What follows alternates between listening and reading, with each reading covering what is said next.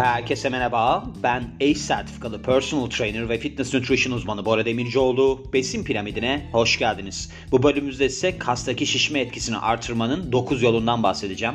İngilizce olarak bakarsak muscle pump diyebiliriz. Bunda hatta Pump and Iron diye bir belgesel vardı. 1976 olması lazım yılı. Arnold Schwarzenegger'ın yer aldığı bir belgeseldi bu. Şey diye bahsederlerdi. Yani Arnold Schwarzenegger öyle söylerdi. İyi bir kas şişmesi, şişkinliği benim için bir orgazm oluyor. Onunla eşdeğer oluyor filan. Tabi olayı biraz abartmış olabilir ama öyle bir bölüm vardı hatırladığım kadarıyla. Ancak şu var tabii ki bu sizin antrenmanda bir numaralı ateşleyicinizdir. Yani baktığınız zaman aynaya böyle kaslarınız acayip gelişmiş, şişkinleşmiş. Hatta burada skin splitting diyor. Yani böyle bir deriyi yırtacak gibi hale gelmiş falan. O zaman ne olacak? Siz diyeceksiniz ki of be ne biçim oldum. Ben nasıl bir erkeğim, nasıl bir kadınım falan diye düşüneceksiniz. Bir de şu var. Tabii ki eğer ki siz bu şekilde bir pump yani şişkinlik elde ederseniz bu sizin iyi dinlendiğinizde gösterir. İşte doğru şekilde beslendiğinizi de gösterir. Bununla beraber işte antrenmanınıza da tam aslında odaklandığınızı gösterir. Neden bunları gösteriyor? E çünkü bunlar olmazsa siz zaten onu sağlayamıyorsunuz. Mesela siz iyi bir antrenman yapmazsanız, doğru şekilde set aralığında gitmezseniz, tekrarları doğru yapmazsanız kasınız şişkin kalır mı? Yok. Hani ben bir tekrar yaptım olur mu? Hani belki patlayıcı kuvvetli olur ama normalde olacak bir durum değil. Şimdi burada aslında tabii ki sizin bu kan akışını kaslarınıza maksimize etmeniz yani oraya doğru doldurmanız başka şeylere de yol açıyor. Ne yapıyor? Mesela aslında hipertrofiyi destekleyecek bir noktaya geliyor. Neden? Çünkü aslında burada kaslar işte gerekli vitaminlerle, minerallerle, amino asitlerle, anabolik hormonlarla, oksijenle filan besleniyor. Onun sonucunda da iyi bir şekilde aslında kassal gelişim yaşıyorsunuz. Burada eğer ki siz acayip çılgınca bir şişkinlik hissi yaratmak istiyorsanız neler yapmanız gerekiyor onlardan bahsediyoruz diyor. Muscle and Fitness'tan çeviriyorum şu anda. Ve ilk olarak iyi bir şekilde uyuyun. Şöyle eğer ki günde 4-5 saat uyursanız burada sizin hem kaslarınız hem de merkezi sinir sisteminiz yeterli şekilde düzelmez. Yani ne derler onarılmaz. Ve bu onarılmadaki eksiklik tabii ki sizin kuvvetinize, dayanıklılığınıza, enerji seviyelerinize ve kasların aslında kasılma kapasitesinde düşüşe yol açar ki bunların sonucunda da ne olacaktır? Sizin o pump kısmınız sekteye uğrayacaktır. Eğer ki doğru şekilde kan akışı istiyorsanız kaslarınıza gecede 7-9 saat uyumaya çalışın. Özellikle de eğer ki antrenmanı bu geceden sonra yapacaksınız. Yani siz diyelim ki salı günü 7-9 saat uyuyorsunuz, çarşamba günü antrenman yapıyorsunuz. Özellikle buna dikkat edin. Buna bence genel olarak dikkat edin bu arada. Bu her şeyde önemlidir. Çünkü eğer ki yeterli miktarda uyumazsanız kortisol hormonunuz da artar. Kortisol hormonunun artmasının sonuçlarını da ben birçok bölümde söyledim de en iyi ihtimalle yani sizin vücudunuz su tutar. Öyle söyleyeyim. Bir de odaklanmanız düşecektir. Şey varmış mesela bir de şu var. İnsanlarla ilgili bir araştırma yapılmış. Eğer ki bir insan şeyde böyle mesela gecede uykusunu çok az uyuyorsa birkaç gün boyunca IQ'su düşüyormuş puan olarak 13 puan düşüyormuş.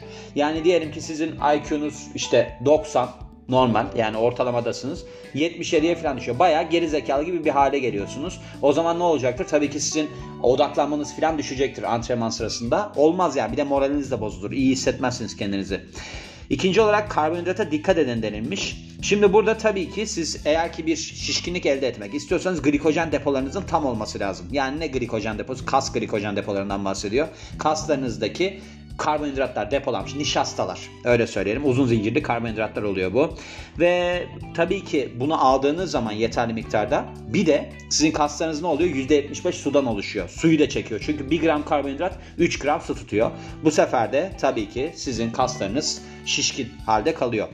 Bunu antrenmandan sonra da aslında almanız işe yarayacaktır. Yani genel durumunu geçiyorum. Hani diyelim ki siz diyet falan yapıyorsunuz. Bir de şöyle bir artısı var biliyorsunuz. Eğer ki siz antrenmandan sonra insülin salgılatırsanız insülinle kortizol bir kere ters çalışıyor. Yani stres hormonunun etkinliğini yok ediyor. Bitiriyor onu. Bir de şey var. Ribozom var ya hücredeki organel. O ribozomdan daha fazla protein sentezlenmesini sağlıyor. O zaman da siz whey proteinle beraber karbonhidrat alırsanız sentez artacak. O zaman daha aslında kas gelişimine de katkı sağlayacak. Daha fazla kaslanırsınız yani öyle de bir etkisi var. Nitrik oksit beslenme desteği alın denilmiş üçüncüsünde. Yani NO diye de geçer bu biliyorsunuz. Bu bir molekül. İşte vücudunuzda da hani doğal olarak üretilen bir molekül ki bu kan damarlarının genişlemesine olanak sağlıyor. Mesela pancar kökünde falan da var biliyorsunuz. Hatta ben onunla ilgili olarak şeyde yapmıştım. Bölümde yapmıştım. Burada pek çok ürün var. İşte mesela içerik içe, içerik olarak bakarsak şunlar varsa arginin işte sitrunin malat falan varsa bunlar hep damarda genişlemeye yol açacak. Bu sefer ne olacak? Damarlar genişlediği zaman işte sizin aslında daha fazla kan akışını sağlamanıza olanak tanıyacak. Şöyle aralığınıza dikkat edin demiş. Antrenman aralığınıza. Burada şundan bahsediyor. Eğer ki diyor siz böyle bir şey yaratmak istiyorsanız yani pump etkisi yaratmak istiyorsanız 12 ile 20 arasında kalın demiş. Ve burada bazı zamanlarda 40-50 tekrarda çıkarmaktan çekinmeyin demiş. Ancak bunu yaparsanız squat ya da deadlift gibi egzersizlerde yanınızda bir de kova getirin. Çünkü herhalde kusarsanız içine kusun gibi bir şey söylüyor. Şimdi burada işte tabii ki bu aralık önemli olabilir. Yani bu aralık kısmını aslında çok da şey yapmıyorum ben. Katılmıyorum galiba. Neden katılmıyorum?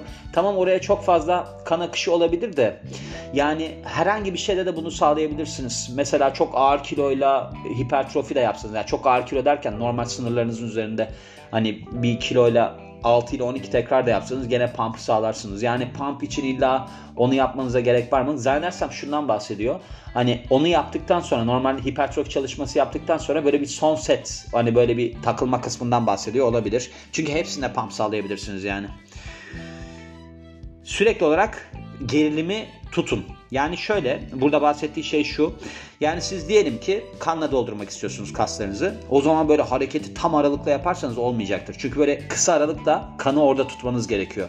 Yani tam böyle kollarınızı kilitlediğiniz bir aşağı indirdiğiniz bir bench press'tense hani aralıklarla böyle kısa aralık tutarak sürekli kanı orada tutacağınız bir şekil daha doğru olacaktır diyor. Yani aslında burada tabii ki hani doğru şekilde yapmak da önemli. Çünkü normalde de kitlememesi gerekiyor ya insanların mesela bench press'te sonda eklemlere yük binmesin diye. Burada işte hani daha kısa aralık yapıyorsunuz ya orada formu bozmamanız gerekiyor yaparken. Şöyle ha, burada bahsetmiş ondan tamam seti geliştiren tekniklere başvurun. Yani seti uzatan tekniklere başvurun. Burada neden bahsediyor? İşte mesela süper setler yapabilirsiniz, üçlü setler yapabilirsiniz. Bu şeyler var ya drop setler falan onları yapabilirsiniz. Bu bu şekilde tabii ki sizin kaslarınıza kan akışı devam edecek, artmaya devam edecek. Yani burada aslında şu var. Şimdi daha 12 ile 20 tekrar arasında şöyle bir durum gelişiyor.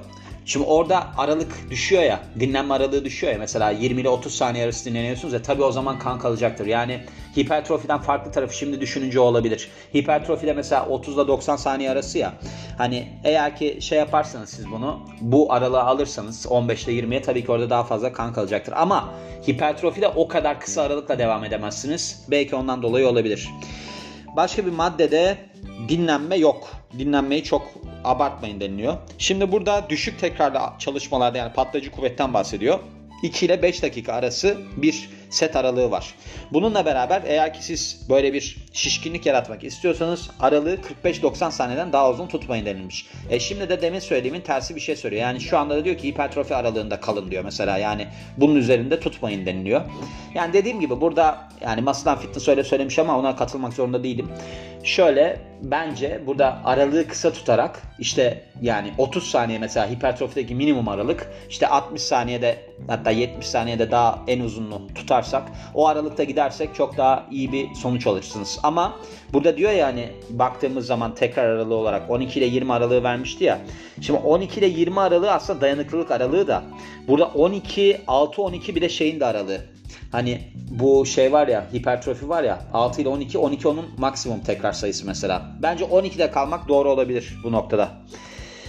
Ve kreatin alın denilmiş. Şimdi kreatinin etkilerinden bir tanesi kas hücrelerini suyla süper doyurmak yani super saturate olarak geçmiş. Böylece de ne oluyor? Sadece anabolik etkisi ortaya çıkmıyor. Bununla beraber de siz tabii ki ağırlığı kaldırdığınızda daha yüksek bir pompalama etkisi yaratıyorsunuz.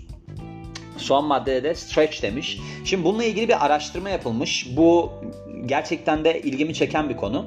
Burada şunu diyor. Eğer ki siz diyor setlerin arasında tamamen böyle kendinizi rahat bırakıp hani diyelim ki dumbbell curl yaptınız. Böyle attığınız dumbbellları dolaşıyorsunuz falan. Ara vereceksiniz ya diyelim ki 30-60 saniye ara veriyorsunuz. Orada diyor böyle kafanıza göre takılmak yerine bu hedeflediğiniz kası güçlü bir şekilde esnetirseniz yani hatta bunu şöyle diyordu. Hani ağırlığı kaldırdınız kaldırdınız ondan sonra ağırlıkla böyle kollarınızı iyice açarak beklemek gibi düşünün. Diyelim ki siz 8 kiloyla işte dumbbell curl yapıyordunuz. Dumbbell curl yaptıktan sonra o 8 kiloyla kollarınızı tam geriye doğru açın. Orada böyle ağırlığı tutarak bekletin deniliyordu. Daha fazla kas gelişimi elde ediyormuş insanlar o şekilde. Bu şu noktada da işe yarayabilir. Yani burada hani daha fazla kan akışı sağlayacak falan da o burada söylediği şey o da. Şundan dolayı da olabilir. Şimdi eksantrik yani konsantrik konsantrik faz var ya yukarıya doğru kaldırdınız yani büktüğünüz kolunuzu. Mesela dumbbell curl örneği verirsek. Orada kasınız tamam sıkıştırıyorsunuz. Ardından eksantrikte yani açarken kası yırtarken gelişim sağlıyor ya orada aslında kası uzattığınız nokta daha da yırtmaya sebep oluyor. Çünkü ağırlıkla açıyorsunuz onu. Ondan dolayı da etkisi olur. Yani bunu bence ben bunu bölüm olarak da belki eklerim. Pek zannetmiyorum aslında eklemeyi. Çünkü anlatılabilecek bir şey değil.